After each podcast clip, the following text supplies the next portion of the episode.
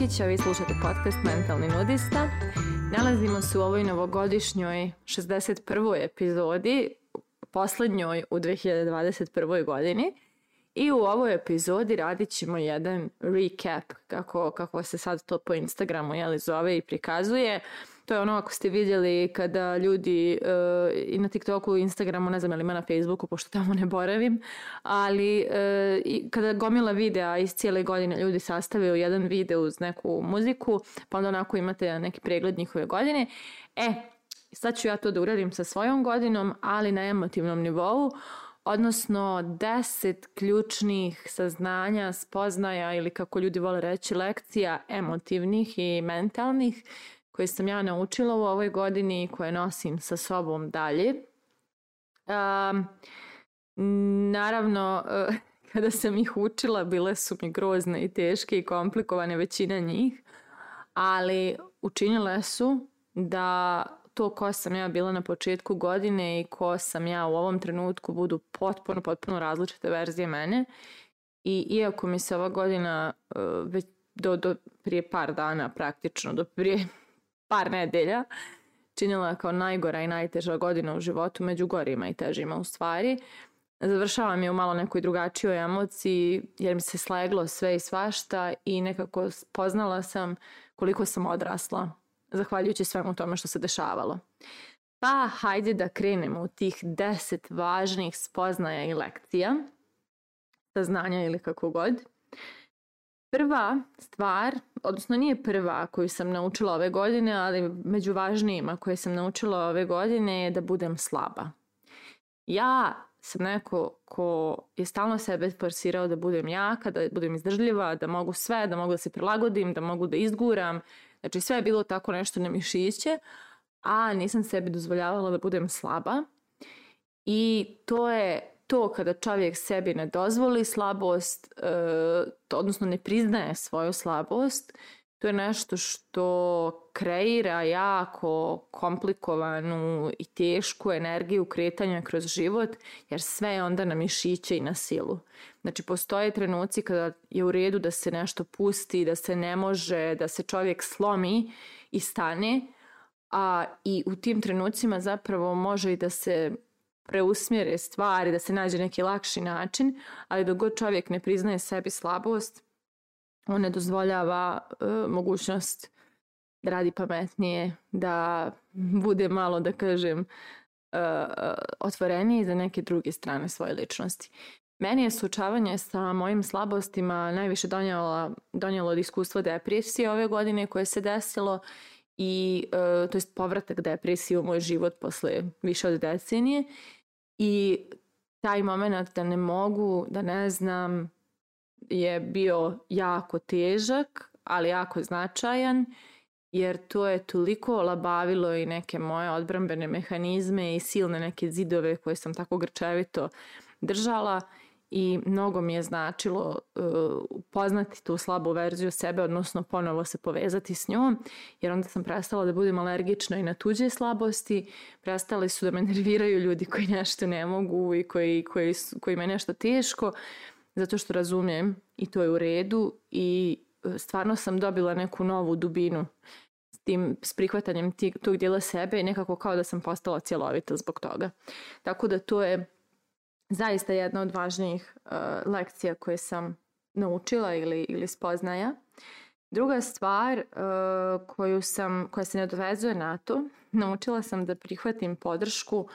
dok ležim na zemlji, znači dok sam srušena. Uh, ja sam obično ona, ono kao mačka, ona vrsta osobe koja kada mi je najteže ja se povlačim i, i sad znam to da radim s tim da e, sam naučila baš kroz tu depresiju koju sam spomenula, da ako ništa potražim stručnu pomoć, odnosno uzmem terapeuta, uzmem nekog s kim ću da dijelim tu svoju muku, slabost i nesigurnost, a će s druge strane moći stručno da mi pomogne. I e, zaista toliko mi znači za život to prihvatanje a, pod, podrške, pogotovo u trenutku kada mi je najgore, jer tada mi je najviše podrška i potrebna. Uh, i zaista svi vi koji osjećate da ste, koji ste skloni tome da se povlačite kada ste loša, znam da nas ima jako mnogo takvih, vjerujte mi, samo jednu osobu je dovoljno da imate i nek to bude terapeut i odmah je sve nemjerljivo lakše i jednostavnije i zaista kapacitet da primimo pomoć i, spremnost da je primimo je jako, jako značajna za naš jednostavniji prolazak kroz teške i komplikovane situacije. Dalje, naučila sam da volim svoju seksualnost, e, jako važna stvar.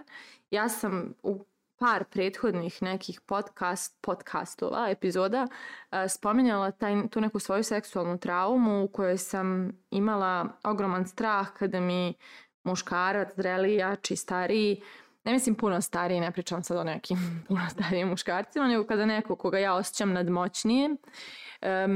mene validira kao ženu i pokaže mi da sam mu privlačna, to je mene znalo da baš stavlja u ogroman stres I ove godine sam to prevazišla i nekako potpuno se povezala s tim delom sebe i kao da sam postala neka kompletna žena. I zaista e, to iskustvo rešavanja seksualne traume je ne samo meni, nego mnogim, mnogim ljudima ove godine značajno, jer mislim da tek, um, tek saznajemo koliko strahova nosimo u sebi, a koji nisu prirodni. Ne, ne kažem da nisu prirodni, nego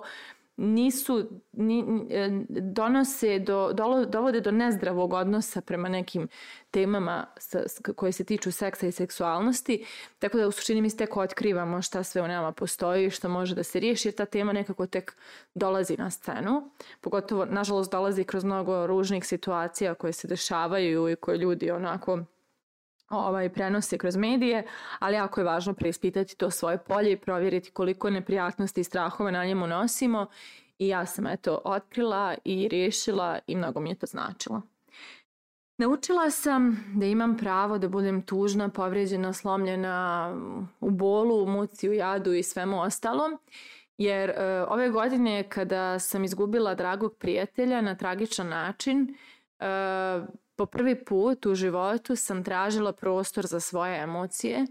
tražila sam prostor od bliskih ljudi i da me slušaju dok pričam o njemu i da me gledaju kad plačem i da znaju da imam težak dan jer sam ga sanjala I ono što sam ja shvatila kroz ovo iskustvo, onako tada kada ga svjesno prola, kada neki gubitak prolazim kao onako svjesna osoba, jeste da je kod nas eh, u našem podneblju su te tužne i teške emocije bola eh, društveno neprihvatljive, odnosno kada krenete s ljudima da se otvarate na tom polju, uglavnom im je jako neprijatno i ne znaju šta da rade, jer mi uglavnom zatrpavamo te stvari i malo ko to isprocesuira do kraja. I onda kada ljudima krenete da se otvarate povodom toga, uglavnom je njima e, stres jer to njih vodi u neke teme koje ni sami nisu kod sebe isprocesuirali. E, ja sam ove godine, hvala Bogu, imala par ljudi s kojima sam dobila taj prostor da budem tužna, da mi bude teško i to mi je mnogo značilo i čak tamo gdje mi neko pokušavao isjeći tu emociju, tražila sam svoje pravo, ja sam sada tužna, meni je sada teško i to je prirodno jer prolazim kroz nešto kroz što prolazim i imam pravo da tu emociju iskažem. Tako da to je jako značajna stvar, ne zatrpavati ništa u sebe, nego zaista tražiti svoj prostor za, za emocije. Zatim, u skladu s tim, pošto sam jeli svoja osjećanja slušala i komunicirala, naučila sam da čujem i svoje potrebe. I o tome sam snimala epizode jer ja kao neko ko je e, isprogramirani people pleaser e, nisam nisam čula svoje potrebe nikad jer je uvijek fokus bio na tuđim potrebama i reakcijama. E ove godine sam po prvi put naučila da stvarno čujem šta Martini treba, šta Martina želi, jel Martini hladno, jel Martina gladna, jel Martini prenaporan ovaj raspored ili nije, jel Martini ovo smeta ili ne smeta u nekom odnosu, a onako dubinski do, do, do, do tančina sam naučila da čujem svoje potrebe i e, to mi je ogromna stvar i o, naučila sam na kraju kraju da stanem iza njih. Mislim, još učim taj dio, ali baš i baš je značajna tema. E, dalje, e, naučila sam da komuniciram svoje osjećanja, da nekako e, šta god mi prija, ne prija, i lijepa i, i ona tužna da govorim, da kažem, jer ja sam onako po prirodi osoba koja je uglavnom Eh, na, okreće na šalu ili podbada mnogo ljude i ranije su me smatrali dosta grubom osobom, jer je to bio moj stil da se sakrijem od nekog komuniciranja emocija. E sad sam postala nekako mekša i to ima veze sa ovom narednom e, lekcijom, odnosno narednim učenjem, a to je da sam zavoljela svoj mrak, koji je ove godine izašao iz mene baš to kroz depresiju, a i anksiozno, anksioznost I nekako kad sam prihvatila tu slabiju verziju mene koja, koja je puno osjetljivija, delikatnija, koja treba puno više podrške i ljubavi, onda sam nekako, ta verzija mene valjda je mnogo emotivnija ili mnogo otvorenija da pokazuje svoje emocije, tako da to moje prihvatanje mojih slabosti, odnosno mog mraka, eh, to povezivanje sa tom nekom verzijom mene koja, koja je koju sam ja smatrala ali mračnom, a koja je samo da kažem emotivnija, je zapravo ovaj, jako, jako značajno. Zatim sam naučila da uzemljim svoje planove, odnosno kako je rekla Stella Karl Ćosić na svom predavanju na kojem sam skoro prisustovala, kada sam ja rekla da me se jako dopada njena kombinacija vizionarstva i opet neke analitike, uh, Ona je baš divno to e, e, verbalizovala, rekla je jako je važno biti vizionar, sanjati velike snove, verovati da možeš više nego što si ranije mogao, a onda sve to staviti u Excel tabelu. Tako da sam ja ove godine naučila na mnogo polja da koristim da Excel tabele i da mi su mi jako važni konkretni koraci u gomili planova, uh, iako sam ogroman vizionar i e, onako sva komuniciram na nivou vrijednosti o vizijama, misijama, idejama, naučila sam i da se vežem za konkretne akcije koje su mi bitne da bi se te ideje ostvarile. Znači više ne lebdim u vazduhu, nego sam se ispustila na zemlju pa umijem da kombinujem to dvoje, što je jako važno ako mene pitate. Zatim sam naučila da poštujem svoje ideje. O tome sam i pričala par puta i to je toliko važno gdje su moje ideje postale meni važnije od mog ega i njegovog straha. Ko će me isprozivati, kome ću valjati, kome neću valjati. Znači kad meni ideja dođe, ona je svetinja jer je meni došla, meni je dala svoje povjerenje ta ideja i ja želim to ideji da pokažem da je bila u pravu jer je mene izabrala i upravo tako je nastao i ovaj podcast. Ispoštovanje prema ideji E, on, koja, koja mi je došla da ga napravim, ja sam ga i napravila i sada imamo ovu divnu tvorevinu koja je slušana na svim kontinentima ove naše planete. Zatim sam naučila da stvaram bez zadrške i preispitivanja, da uživam u stvaranju. Znači, kako, kako sam počela da poštujem moje ideje, Tako je nekako moj sav fokus stavljen na to kako se ja osjećam dok nešto radim, a ne šta će ko da misli kada to vidi ili čuje. I što više ja uživam u tome što radim, što više nekako stvari radim za svoju dušu, to nekako te stvari više duša dotaknu. I to mi je fenomenalan recept, bukvalno. Kada radite nešto za svoju dušu, čujete taj zov svoje duše, to nema šanse da ne dođe do duša drugih ljudi i to je onako baš prava stvar, to je to. Znači kada, kada vama srce igra oko nečega što radite, igraće i drugim ljudima dok pod navodnike konzumiraju to što ste vi napravili, što god to bilo. I za kraj, ono što je meni baš, baš, baš bilo značajno, jeste da sam naučila da stavim sebe na prvo mjesto i i da Martina meni postane najvažnija osoba na svijetu i da pratim šta Martini treba, šta Martina želi, šta Martina osjeća, šta Martinu plaši, čega se Martina suzdržava, u čemu Martini treba podrška i pomoć, ako neka spoljna. Znači, bukvalno sam postala ljubav svog života, ako tako mogu da se izrazim e, i počela sebi da pružam bezoslovnu ljubav koja nije uslovljena ni time koliko sam danas radila, ni, ni kakve sam rezultate ostvarila, ni koliko sam novca zaradila, ni koliko života dotakla. Bukvalno sam zavoljela tu Martinu koju sam, koja sam sada, takvu kakva jeste i odlučila da joj ispunim sve želje i da joj e, nekako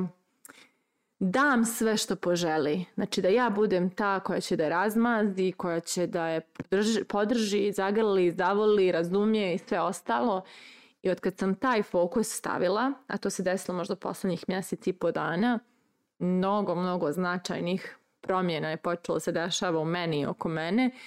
i nevjerovatno je koliko je moćno kada odlučite da sav fokus stavite na sebe – jer tada ste daleko bolji i po sve druge ljude, jer ako ništa, iskreniji ste u tome u odnosima koje gradite sa drugim ljudima. Tako da, to su da kažem bile moje neke e, lekcije koje sam e, ove godine e, usvojila, mislim da sam ih rekla 11, jesam. Ali eto, neka bude onda 11 lekcija iz 2021. koju nosim dalje kroz svoj život – I time ću da zatvorim ovogodišnji, e, ovogodišnji niz epizoda ovog podcasta. Nastavljamo u 2022. nakon 7 dana pauze, ove praznične. A vama ću poželjeti za 2022. da to bude godina lakoće i godina uživanja i godina rasta kroz uživanje i lakoću. Budite mi dobro i družimo se dalje. Srećna nova godina, čujemo se.